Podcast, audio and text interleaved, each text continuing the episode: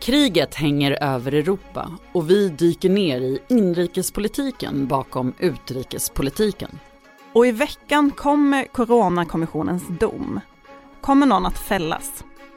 Dessutom, vad är egentligen socialdemokratisk kulturpolitik?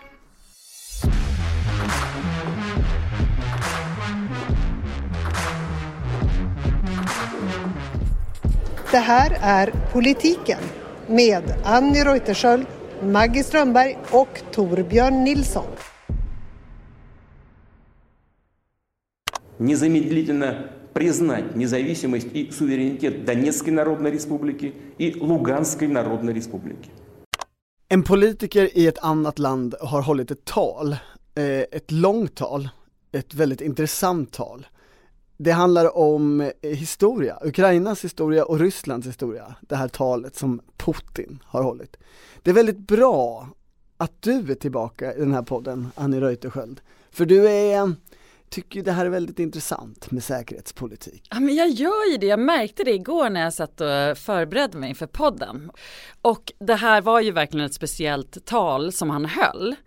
Eh, men man ska komma ihåg att han har ju, det är ju inte första gången han uttrycker det här ändå. Redan i somras i juli så höll han ett tal där han pratade om det ukrainska och ryska eh, folket som ett folk. Och då påminner han själv om att det här, är ingen, det här är inget infall jag får just nu utan det här är någonting som jag eh, firmly believe som han eh, översattes då.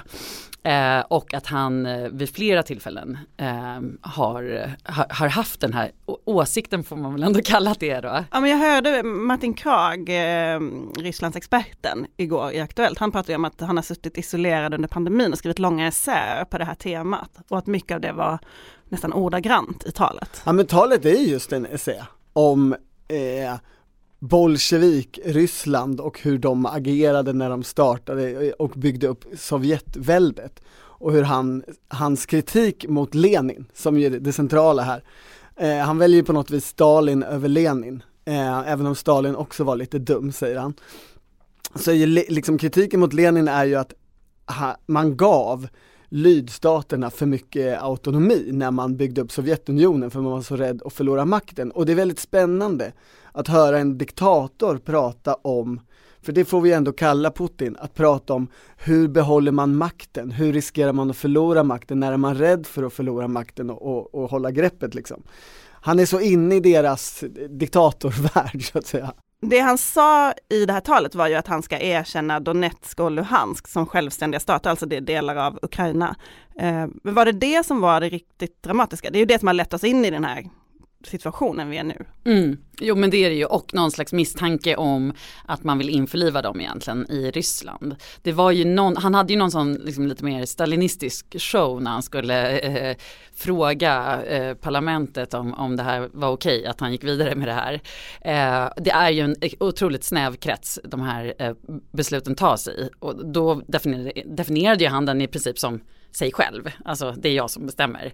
Men, men det var ju absolut det här erkännandet som, som var liksom att trycka på knappen hos eh, alla. Sen finns det ju vissa bedömare som undrar om det här är en liksom att man eskalerar för att sen kunna deeskalera, alltså vad det, heter det på svenska ens? Ja, det, vi ja. förstår det på svenska. Ja. Gå, ta till, gå tillbaka ett steg alltså? Ja, precis, men, men de allra flesta ser ju det här som eh, den farligaste situationen vi har haft på väldigt, väldigt länge i Europa och att det är väldigt explosivt. Och då eh, kom ju eh, såklart, alltså vi är ju nu i en säkerhetspolitisk eh, situation som sedan länge har liksom beskrivits som att den är eh, farligare eh, än med tanke på Ryssland. Men nu är ju det här verkligen ställt på sin spets. Mm.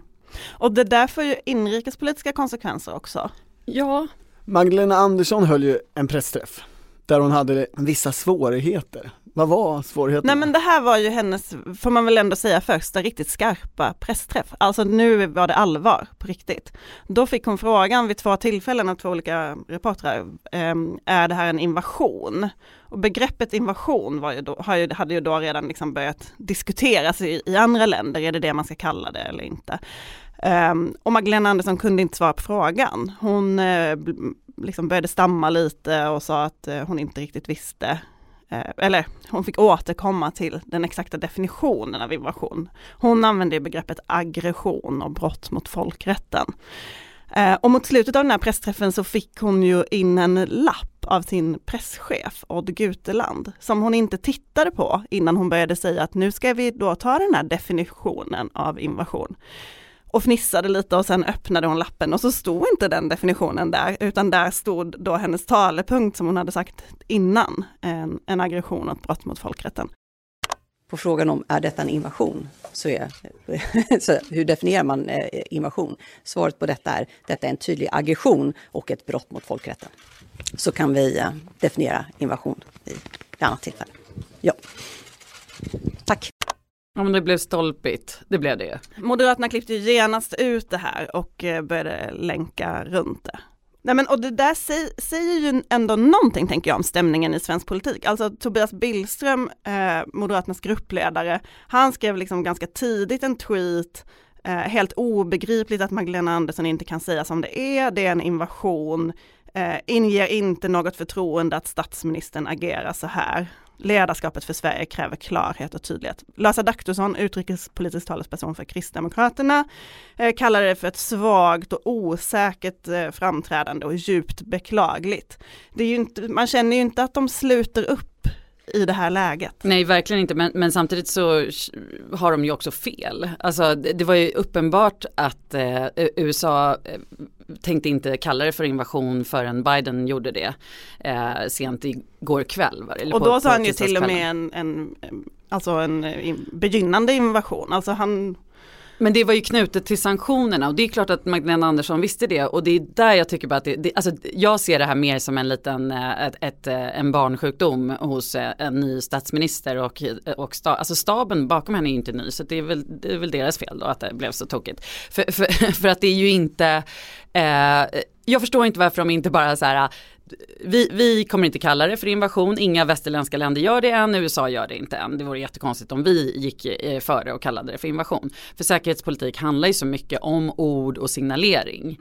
Mm. Eh, det hade ju inte varit konstigt, nu blev det konstigt. Men det blev konstigt i hela världen. Alltså det, det finns ju engelskspråkiga tidningar som alla har tagit upp det här att eh, varför man inte kunde och, och säga det och sådär. Jag blev uppringd av en, en, en medarbetare till Magdalena Andersson som eh, förklarade det som att ja men det här beror på att vi inte vet om det har varit en invasion. Vi har inte sett några bekräftade eh, bilder på det. Han har, han har sagt att han ska liksom göra en invasion men vi vet inte om den faktiskt har skett. Mm. Och, det stämmer ju inte heller för det har ju varit en invasion sedan 2014. Ja precis och det var ju det som försvarsministern sa, det här är en fortsättning på en invasion. Så det, det, liksom, den vanliga tolkningen är väl precis den du säger att världsledarna har sagt att vid en invasion kommer de här sanktionerna och nu vet, liksom, vet, man inte riktigt om man är där än eller om man vill gå så långt än. Mm.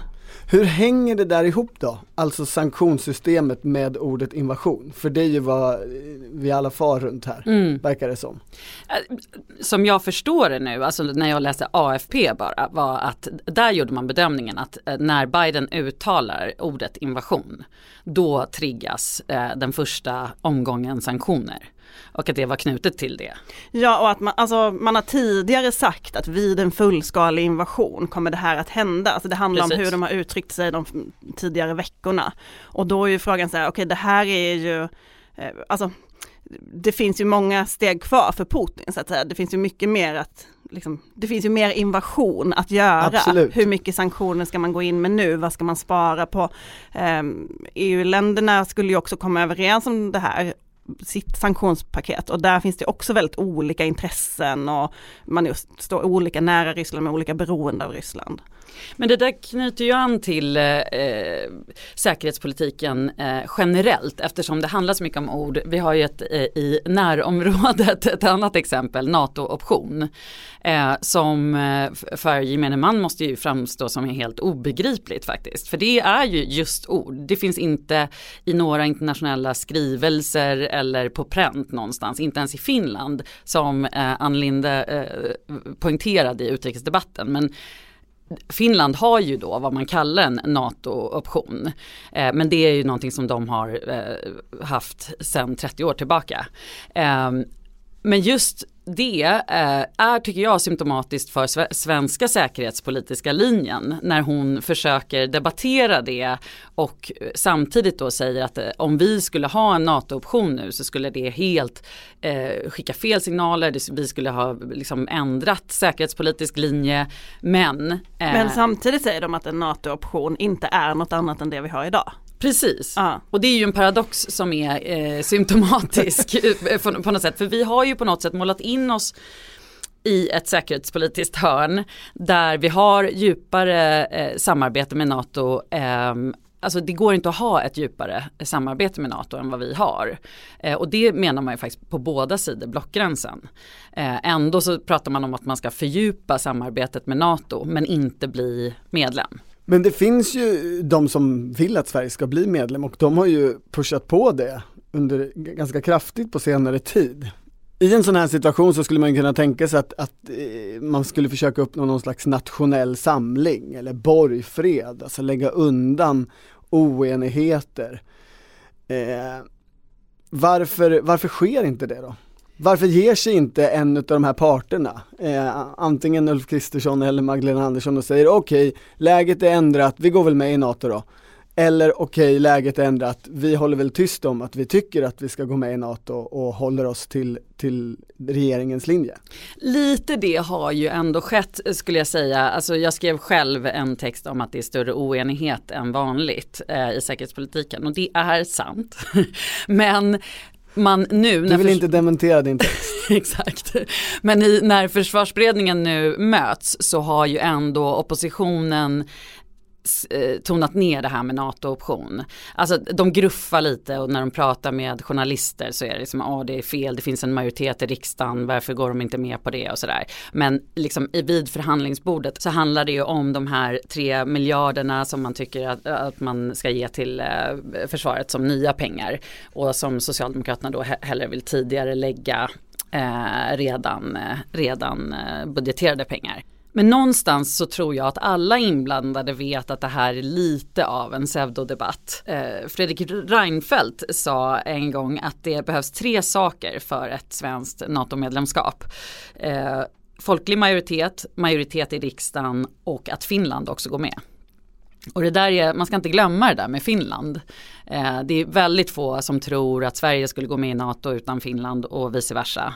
Eh, och Finland har en helt annan historia som ni vet eh, och är eh, mer negativt inställda till ett NATO-medlemskap.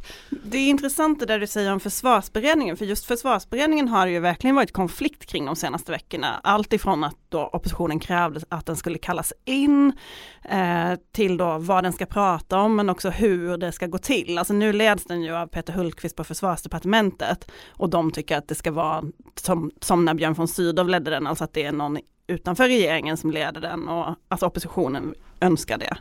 Eh, och att ja. den ska ha ett eget sekretariat. Och så där har det liksom varit så länge de här frågorna känns som att det är så tjafsigt kring, man är sur från oppositionen över att man inte eh, att det inte förankras, att man inte får vara med och diskutera tillräckligt mycket. Man är jättearg på det här som man kallar för kvartssamtalet, som det där första mötet de hade om säkerhetspolitiken, som partiledarmötet, som bara blev en kvart. Det är de alltså liksom... som Magdalena Andersson hade med de andra precis, partiledarna nej, precis efter jul där.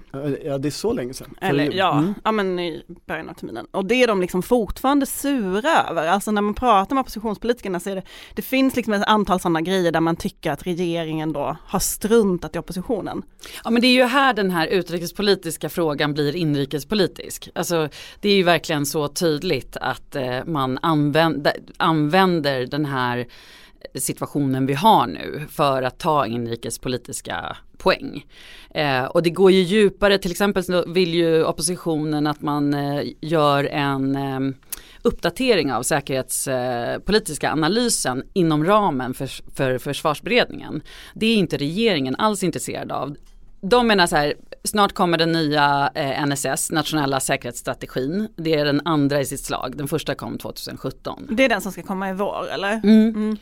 Mm. Eh, och där är ju en dragkamp verkligen mellan inflytande och eh, påverkan. För att om man tar en ny säkerhetspolitisk analys i försvarsberedningen då skulle ju det kunna öppna upp för ja, med mer satsningar fr framgent. Eh, men om man har eh, de här eh, ställningstaganden i nationella säkerhetsstrategin så är det ju regeringen mer som har kontroll över vad det får för konsekvenser. Mm. Och då å andra sidan så tycker oppositionen att de inte får tillräckligt med insyn i den här nya strategin som ska komma i vår. Jag lyssnade på Ulf Kristersson i P1 Morgon i morse och då eh, upprepade han det här som han har sagt flera gånger att eh, regeringen måste förstå hur svag den är och att den måste söka stöd i riksdagen. Eh, sen fick han lite senare i samma intervju en fråga om Sverigedemokraternas utrikespolitik eh, och programledaren sa att ja, det här har ju varit en sak som du har lyft som anledning till att de inte ska sitta i regering. Eh, kommer Sverigedemokraterna få inflytande om de samarbetar med en MKD-regering? Och en MKD-regering kommer ju också vara ganska svag får man ju säga i relation till den regering vi har nu, alltså de kommer ju vara ja, men på ungefär samma. Mm. Um, och då svarade Ulf Kristersson att nej, men det är mycket viktigt att det är regeringen som har makten över säkerhets och utrikespolitiken. Det är ju ett sådant område där, eller utrikespolitiken sa han, det är ett sådant område där regeringen ju faktiskt själv styr, där riksdagen inte har eh, så mycket inflytande mer än möjlighet att stifta olika lagar. Och det är ju en ordning som vi gärna vill behålla. Så det, det, är lite olika måttstockar här beroende på... Det är ju också valår. Ja. Det är ju en faktor, det är en tänker faktor, jag. Absolut. Eh, men men det, samtidigt så kan man ju inte, jag kan inte annat än förvånas, alltså om man bara jämför med pandemiutbrottet, det är två år sedan rätt exakt, då väcktes det ju direkt idéer om borgfred, nu ska vi, nu ska vi ha nationell samling, det, ganska snart så kom det till och med diskussion om, borde vi inte ombilda regeringen till en samlingsregering? Och det har man ju, något, inget av det har ju hörts i inledningen av den här krisen. Som ju är, alltså vi har ju haft samlingsregering i Sverige tre gånger historiskt. En gång på 1880-talet, eh, sen när eh, eh, unionen med Norge föll 1905 och, och sen då under andra världskriget. Och det här är ju en situation som åtminstone liknar andra världskrigssituationen mer kan man tycka än ett virus och en internationell pandemi. Ja precis och jag tror att som du sa i början av den här eh, nu eskalerande situationen eh, ju större hotet eh, upplevs eh, desto mer borgfred tror jag också att vi kommer få. Och man ser även de här den här dragkampen, den är ändå också symbolisk skulle jag säga just nu. Alltså man, man är ju överens om den säkerhetspolitiska linjen. Eh, mm. Alltså, I stort. I liksom. stort, liksom. precis. Och man är lite sur över att det inte är förankrat tillräckligt och sådär. Men det är ju inte, man, man står det, det ju ändå Det skulle kunna vara så bakom. paradoxalt då att man är för överens för att bilda riktig borgfred. Varför blev det samlingsregering jo, men under andra världskriget? Logiken i, i borgfred och liksom dess yttersta läge, samlingsregering, är ju att det finns konflikter som man behöver kapsla in. Som, som inte det ska få diskuteras helt enkelt. Och då eh, inför andra världskriget så, så var ju Socialdemokraterna och Centerpartiet i koalition. Och det var Centerpartisterna som var de första, alltså kriget bröt ut, det hände ingenting. Eh, ingen pratade om nationell samling på det sättet eller samlingsregering. Centerpartiet som tyckte att de fick dåligt utfall i den här regeringen, alltså för, för lite pengar till bönderna, tyckte att det var jobbigt att sitta kvar som ensam part. Så de började driva samlingsregering. Men det blev ingenting förrän eh, det blev konflikt internt i regeringen eh, och också internt i oppositionen om Ålandsfrågan och Finland hur mycket skulle Sverige hjälpa Finland när Finland anfölls av Sovjetunionen? Och eftersom det var internkonflikt i regeringen och eftersom det var internkonflikt i högerpartiet så hade båda parter ett intresse av att kapsla in hela den här Finlandsfrågan, eller rättare sagt, hur ska vi förhålla oss till krigsmakterna eh, i den här samlingsregeringen? Och det är ju frågan om man är tillräckligt oense på riktigt om NATO för att NATO skulle kunna vara en liknande sån eh, liksom fråga som man vill kapsla in. Mm, nej men där, det, där är du något på spåren eh, eh, tror jag. Och det är också någonting annat som du nämner här att det är ju, alltså utrikespolitik handlar ju också alltid om inrikespolitik. Eh, den vi mest, kanske mest förknippar med eh, eh aktiv utrikespolitik är väl Olof Palme. Och eh, det var en väldigt viktig eh, del för Olof Palme att, att behålla lugnet i socialdemokratiska partiet. Alltså det var eh, ett verktyg för honom, även om det fanns ett stort engagemang i utrikespolitiska frågor så var det verkligen en stor del också att hålla ihop partiet. Mm. Och det får man inte glömma i de här tiderna. Att det, det finns ju såklart en eh, inrikespolitisk eh, anledning för Socialdemokraterna nu också. Eh, att verka eh, eh liksom statsmannamässiga, regeringsdugliga eh, och eh, eh, ja, handlingskraftiga helt enkelt. Den som har kallat på nationell samling vid några tillfällen är ju Annie Lööf. Hon tänker ju att det här blir liksom, det här är vägen till hennes varför är man inte förvånad? Det är precis som vid andra världskriget, Centerpartiet ja. igen. Ja, fast nu är det mer för att lösa hennes, ja men också för att lösa hennes ja, interna problem. för att lösa interna ja. problem. Så är det. Det är ju en gammal sanning att utrikespolitik aldrig påverkar svenska val. Eh, kommer det göra det den här gången? Ja, alltså det återstår, återstår väl att se beroende på utvecklingen. Men jag tror inte det så mycket. Alltså i sånt fall skulle det vara att Socialdemokraterna cyniskt sett då på något sätt har haft tur under den här mandatperioden med att vara i regering när eh, den här pandemin eh, drar över världen och man får stå med svenska flaggor hela tiden och liksom tätt inpå får vara någon typ av samlande regering för eh, eh en nation där, liksom, där det, eh, som står inför någon typ av yttre hot. Det är väl också utifrån det man ska tolka Tobias Billströms tweet eller jag har även sett eh, presschefen i Moderaterna liksom var väldigt, eh, mm, ja men slå mycket mot eh, hanteringen från regeringens sida, alltså eh, liksom skickligheten, regeringsdugligheten. Det är väl det Moderaterna hoppas att det ska det är väl det de egentligen kan vinna på den här situationen. Ja verkligen och Socialdemokraterna har ju redan förberett sig utöver eh, situationen i Ukraina på att oppositionen kommer ju försöka sabotera eh, i sakpolitik för att det är inte bra för oppositionen om det framstår som att det går jättebra för den här S-regeringen. Så de har ju redan tänkt att de, de kommer ju få eh, mothugg och, och oppositionen kommer försöka ta ner förslag bara på pinskiv i princip för att det inte ska gå för bra för den här regeringen. Eh, så att, så att på, de, på den bogen tror jag att det, att det kommer spela roll. Nej, nej, nej, nej. Nej, nej, nej, nej. Så går det inte till. Välkommen till verkligheten. På fredag hörni så kommer ju Coronakommissionen med sitt slutbetänkande. Dun, dun, dun, dun. Ja, det har ju varit stor dramatik kring den här kommissionen.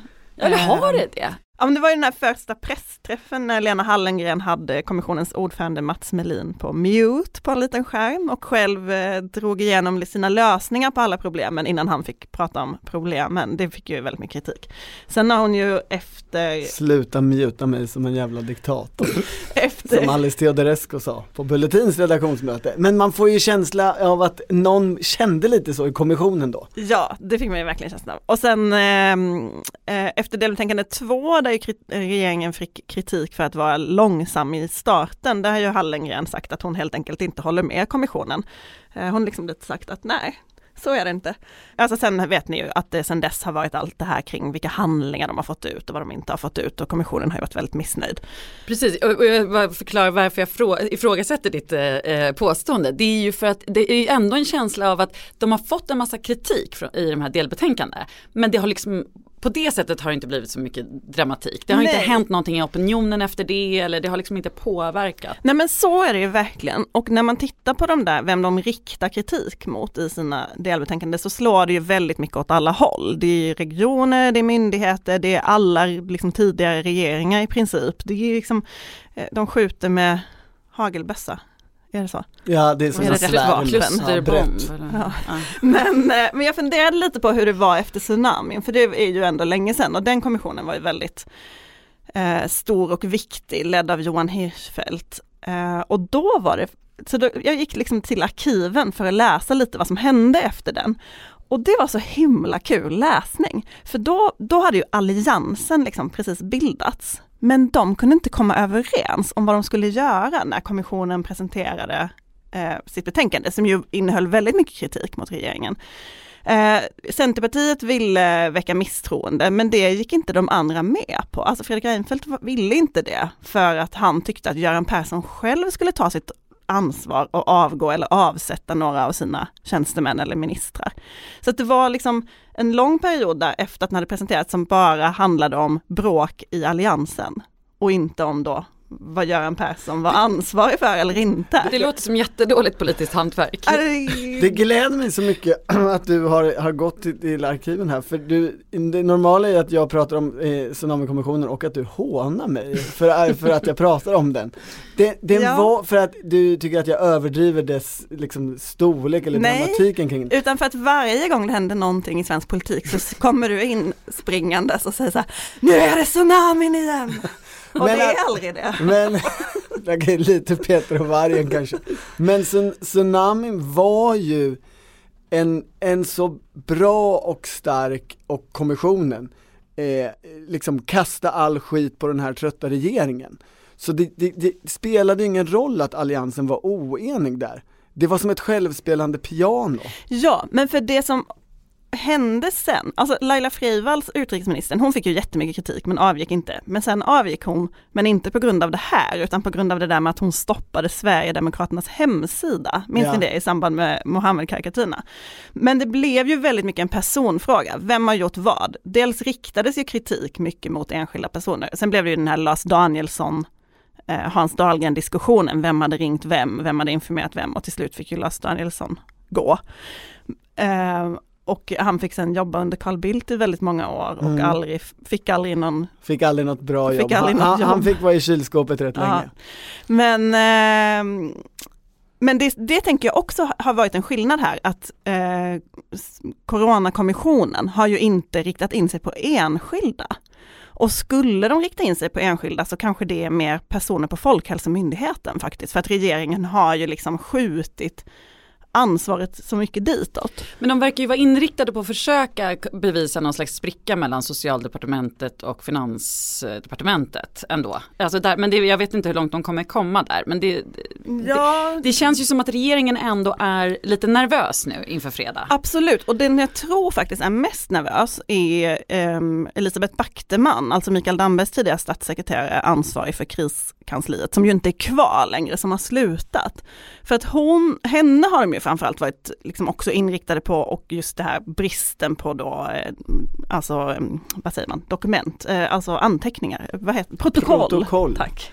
Eller det, det beror ju på vad Ja, man, det beror man på. definierar det, så just, just ordet är ju känsligt. Ja, men Nej men eh, liksom hur, alltså Ja, det är ju- bristen det på dokumentation. Det är ju kommission. Eller om det inte är någon brist på dokumentation. Nej, men kommissionen verkar ju när man, när man läser, liksom, ja, vi begärde ut massa handlingar från, som hade skickats till dem och fick se deras frågor och sådär. Och då, eh, de verkar ju väldigt inriktade på GSS-gruppen, alltså den här gruppen som leddes av Elisabeth Backteman med massa eh, statssekreterare från olika departement. Medan när man pratar då med typ andra departement så är de så här, men de gjorde väl inte så mycket, det var inte där det hände. Och det är ju en sak som folk i regeringskansliet har ägnat sig åt, att säga så här, de har pratat med fel folk, kommissionen, hur mycket koll har de egentligen? Exakt, och nu verkar nervositeten stiga för nu får man samtal om, liksom från regeringskanslihåll där det är så här, är, är kommissionen politiserad? Verkar det inte lite som att de står mer på Gunnar Strömmers sida än på ja, Magdalena Andersson? Eh, där märker man ju verkligen att det är valår eh, i, i den typen av bakgrundssamtal som man får. Och eh, jag fick höra en ganska rolig grej från vi jobbar på Svenska Dagbladet. Att eh, Svenska Dagbladet numera går under namnet eh, Coronakommissionens nyhetsbrev eh, på vissa håll i eh, regeringskansliet. Och det här har då eh, med, syftning till den här tidningens ledarsidas granskning av den här Vi har ju också, dokumentationssaken. vi har ju Så också verkar det. granskat på nyhetsplats senaste veckan. Ja, och det verkar absolut. de inte heller ha liksom de, de tycker ju ofta i regeringskansliet att här, ni håller på med fel, så det där är inte viktigt det ni skriver om nu.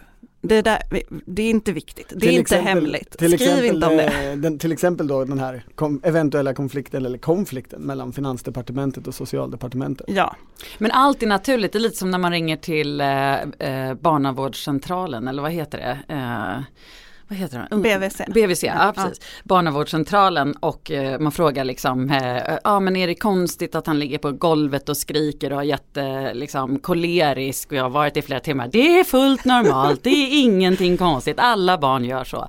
Alltså det är lite den taktiken de kör Ja. ju.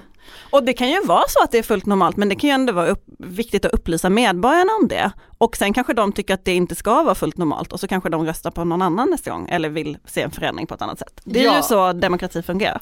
Men det är också det är ju verkligen någonting i, som, som jag tycker har, har belysts av både eh, våra artiklar på nyhetsplats och faktiskt i, eh, eh, på ledarsidan att Eh, det här med dokumentation är ju någonting som inte går till, tror jag, som eh, de flesta medborgare och väljare eh, tror att det går till. Eh, det, det, är liksom, det finns en tradition inom regeringskansliet eh, och har gjort i urminnes tider av att eh, man pratar om det allra viktigaste, man skriver inte ner det. Mm. Och det vet man ju själv och ibland när man har kontakt med folk där de bara du kanske skulle kunna smsa på det här numret istället som inte behöver diarieföras. Eller liksom, ja. Det, de, har, de har ju full koll på hur man kringgår sånt. Det finns ju också en faktor som är lite kopplat till det vi hade borgfredsdiskussion förut. Det är ju som att eftersom man eh, fastnade i det här borgfredsläget i början av pandemin så har man ju så mycket att ta igen som opposition. Så sättet att försöka använda den här blir ju så mycket svårare när man inte har haft en, en tydlig position. Så jag tänker att huruvida kommissionen då under de närmsta veckorna och i, och i valet blir en sak eller inte ju egentligen har att göra med vad fanns det för alternativ vid, vid ett givet tillfälle och fanns det ett politiskt alternativ? Jag läste ett resonemang i de här gamla tsunami-artiklarna från en Björn Elmbrant, kommentatorn på Sveriges Radio, som skrev att väljarna är generellt ganska ointresserade av att bestraffa. De är mer intresserade av hur ser det ut framåt? Mm. Har vi beredskap framåt? Kommer vi kunna lösa det här nästa gång? Snarare än att liksom, ni gjorde fel. Ja, och det är ju helt det perspektivet som försvinner nu för att det är valår, tänker jag. För nu är alla i regerings, regeringskansliet livrädda för att det ska bli eh, liksom någon Svarte Petter eller att man ska, alltså skuldfrågan. Man, man glömmer helt bort det här eh, historiska perspektivet, att man faktiskt ska lära sig någonting till nästa gång. Eh, och det tror jag eh, oppositionen gör också, för det är ju strukturella problem då som Coronakommissionen redan har pekat på. Men vi får se nästa vecka, eller på fredag kommer den och vi kommer väl säkert prata om det här nästa veckas podd. Det har pratat väldigt lite sakpolitik egentligen. Väldigt lite sakpolitik egentligen. På tal om saker som har skrivits i Svenska Dagbladet av av andra människor än oss, så kan vi ju inte gå förbi den intervju som Stina Oskarsson gjorde i kulturdelen med kulturministern Jeanette Gustafsdotter. Denna har ju på traditionellt kulturmaner eh, lett till en enorma reaktioner. Alla har sagt sitt i poddar, alla har skrivit sina artiklar. Jag tycker ändå att det saknas en, en viktig pusselbit. Den här, Berätta. ja, men alltså den här intervjun går ju rätt mycket ut på att Stina Oskarsson försöker få reda på vad är socialdemokratisk kulturpolitik? Och att Jeanette Gustafsdotter inte kan svara på det antingen för att hon är, är ny på jobbet eller för att Finansdepartementet kan bli arga om hon säger fel eller ja, hon, hon vill inte säga så mycket. Och Frågan finns ju fortfarande kvar men den har ganska lite diskuterats. Det är, alltså vad är socialdemokratisk kulturpolitik egentligen? Och jag tänker att valet av Jeanette Gustafsdotter är symptomatiskt för vad man vill att socialdemokratisk kulturpolitik ska vara. Hur då? Man valde bort någonting annat. Ja men för här fanns det ju ett så tydligt alternativt spår, eller en alternativ berättelse. Laven Redar som är eh, kulturpolitisk talesperson, eh, kommer från Stockholms stad, eh, såg som favorit till den här positionen av många nu när Socialdemokraterna för första gången på, det tror jag, 16 år eller så, skulle ha den. Eh, och henne valde man bort. Och då är det lite intressant att titta på, ja men vad var det man valde bort då? Och Stockholms partidistrikt eh, skrev till eh, kongressen i höstas en, en lång, enormt lång kulturpolitisk eh, motion. Och i, i den står det till exempel så här. För oss socialdemokrater handlar kultur och bildning om människors personliga frihet och samhällets progressiva utveckling. Kunskap och kultur ger människor möjlighet att vidga sina perspektiv och frigöra sina tankar och sin skaparkraft. Denna frigörande förmåga en avgörande motvikt mot ekonomiska och sociala eliters strävan att ta makten över tanken. I och med att kulturen är bärare av kodningen kring hur ett samhälle organiseras är den per automatik ett maktinstrument. Den kan användas för att förstärka över och underordningen i samhället, precis som den kan användas för att motverka den. Det här tycker du inte är armlängds avstånd? Det är ju just det som är den liksom känsliga frågan här. Armlängds avstånd, alltså att politiken inte ska detaljstyra kulturen, är något som alla säger att de är överens om. Men ingen jävel definierar vad armlängds avstånd egentligen är. Och traditionell socialdemokratisk kulturpolitik som finns i den här eh, motionen från, från Stockholms stad och Lavenredar är ju att påverka kulturen politiskt, att politiken ska påverka kulturen för kulturen är ett maktinstrument och eh, en viktig motvikt mot, som de skriver, ekonomiska och sociala eli eliters strävan att ta makten över tanken. Jo men kan inte det tolkas som ge, ge möjlighet till, eh, alltså du säger, vad menar du med att Socialdemokraterna vill påverka då kulturen? På, äh, på, i, de vill ju liksom inte styra vem som ska få göra vad eller liksom. Nej men i, i motionen här så finns det ju allt ifrån liksom eh, kulturarbetares eh, ersättningsnivåer ekonomiskt till att man ska ha eh, ett samhälle som, som är eh, mer jämlikt. Det ska vara eh, en större tillgång och jämlikt eh, till kultur och till, till liksom det progressiva samhället. Ja men då är det det mer än kulturarbetares Ja och i det, i det Jeanette Gustafsdotter säger i den här intervjun på de ställen där hon faktiskt säger någonting eller i frånvaron av svar är ju mer en slags liberal kulturpolitik. Alltså staten ska inte göra så mycket alls. Jag sitter här som någon slags tjänsteman och vi har några pengasystem och de ska rulla på och jag ska garantera att det finns yttrandefrihet och att eh, politiken inte ger sig in. Alltså det handlar om, ska politiken bygga samhället i en viss riktning ja. eller, ska och, eller ska kulturen vara fri? Det är väl det som är skillnaden? Ja, och här är ju detta politiskt känsligt för det hänger ihop med en övergripande strategi gentemot Sverigedemokraterna. Eh, där man behöver ha hotet om att Sverigedemokraterna kommer styra kulturen och styra eh, liksom vad det får finnas för flaggor på, på kommunhus och så vidare.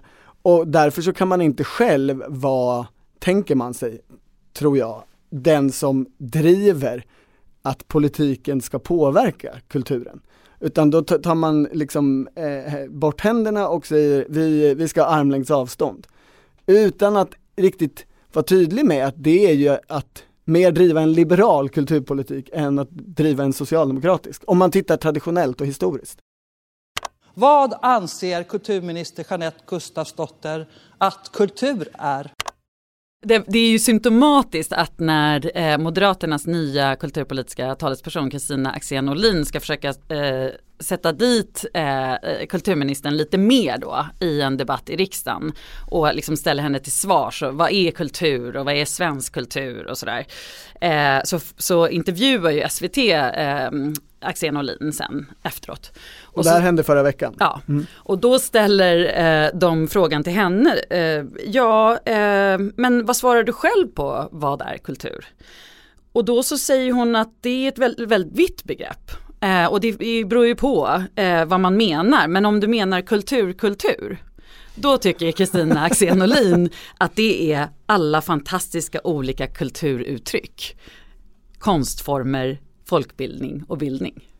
Alltså det finns ju inget kultur, äh, politikområde som äh, ansamlar fler klyschor från alla partier. Tipsa Stina Oskarsson om en, den, sin nya intervjuobjekt. Nästa, exakt, nästa, nästa station. Men jag tänker att den här armlängds avstånds, ehm, vad ska man säga, trenden eller konsensus kring det också kom av att ni minns när Miljöpartiet då fick kulturministerposten 2014, då hade ju inte de någon kulturpolitik. Och det var ju lite konstigt. Ja, Eh, de och- fick den posten på slask typ. Ja, lite så var det nog faktiskt. Det var inte den de liksom strävade mest efter. Men sen, och då var det ju mycket diskussion om hur skulle de använda den här och kunde man liksom, kunde då kulturpolitiken användas för eh, att liksom förbättra miljön, alltså hur skulle de kunna knyta det till sitt parti? Sen så gjorde de ju en kulturpolitisk utredning där man då föreslog väldigt mycket, alltså man satte samman en grupp som tog fram kulturpolitiska förslag som skulle lämnas till Miljöpartiets partistyrelse och då hade man alltså redan posten, då var Alice Bah Kuhnke redan minister. Och hon ledde den här gruppen. Hon ledde inte den här gruppen, men, eh, utan det gjordes av någon annan. Men, men den fick ju så enormt mycket kritik för att liksom nästan vara liksom, eh, något som skulle finnas i en diktatur. Typ. Alltså men, detaljstyrning ju. Ja, för Mm. den hade ju väldigt många idéer om att då, ehm, det handlar mycket om representation av då svaga grupper i samhället, kulturpolitiken skulle ägna sig åt det och det där hör man ju ofta från eh, Eh, lokala kulturutövare. I, I Malmö fick man höra det ganska ofta när jag bodde där att så här, ja men har du inte liksom ett mångfaldsperspektiv på din teaterpjäs så får du inga pengar. Det måste liksom användas för att göra nytta. Och kritiken mot det var ju då eh, implicit eller kanske explicit att om Sverigedemokraterna till exempel skulle komma till makten så skulle man då med den typen av logik kunna bestämma att eh, bara etniska svenskars eh, kultur ska få Ja, finansieras. så kanske det var. Jag minns inte om SD var en faktor där, men det Jo, var ju jag, i alla det- Jag fall kommer ihåg att det var i Ja, debatten. För man tyckte ju att det här var så extremt att eh, Miljöpartiets partistyrelse antog aldrig ens det här. De tog avstånd från den här eh, sen. Och då koll, gick jag in och kollade nu lite på den här, bara, vilka var det egentligen som satt i den där gruppen? Det var Berang Miri bland annat, den här rapparen ni vet. Mm. Ehm, och så lite andra, men ett namn som förvånade lite var Stina Oskarsson. Hon satt Ja. i de, den här gruppen som tog fram den här politiken som nog eh, lite grann ledde till armlängds avstånd som hon idag ju väldigt starkt tror på. Hon har ändrat sig. Hon, antingen har hon ändrat sig eller så har hon, eh, tog hon kanske avstånd redan då. Så långt har jag inte kommit i researchen, men jag blev väldigt förvånad. Det är dags för en Stina Oskarsson intervju kanske. Hon kan intervjua sig själv, gör hon inte alltid det? Oj, det var hårt. Det var kul. Hörni vad kul det var att vara med i podden igen. Ja, vi ses nästa vecka igen. Hej då!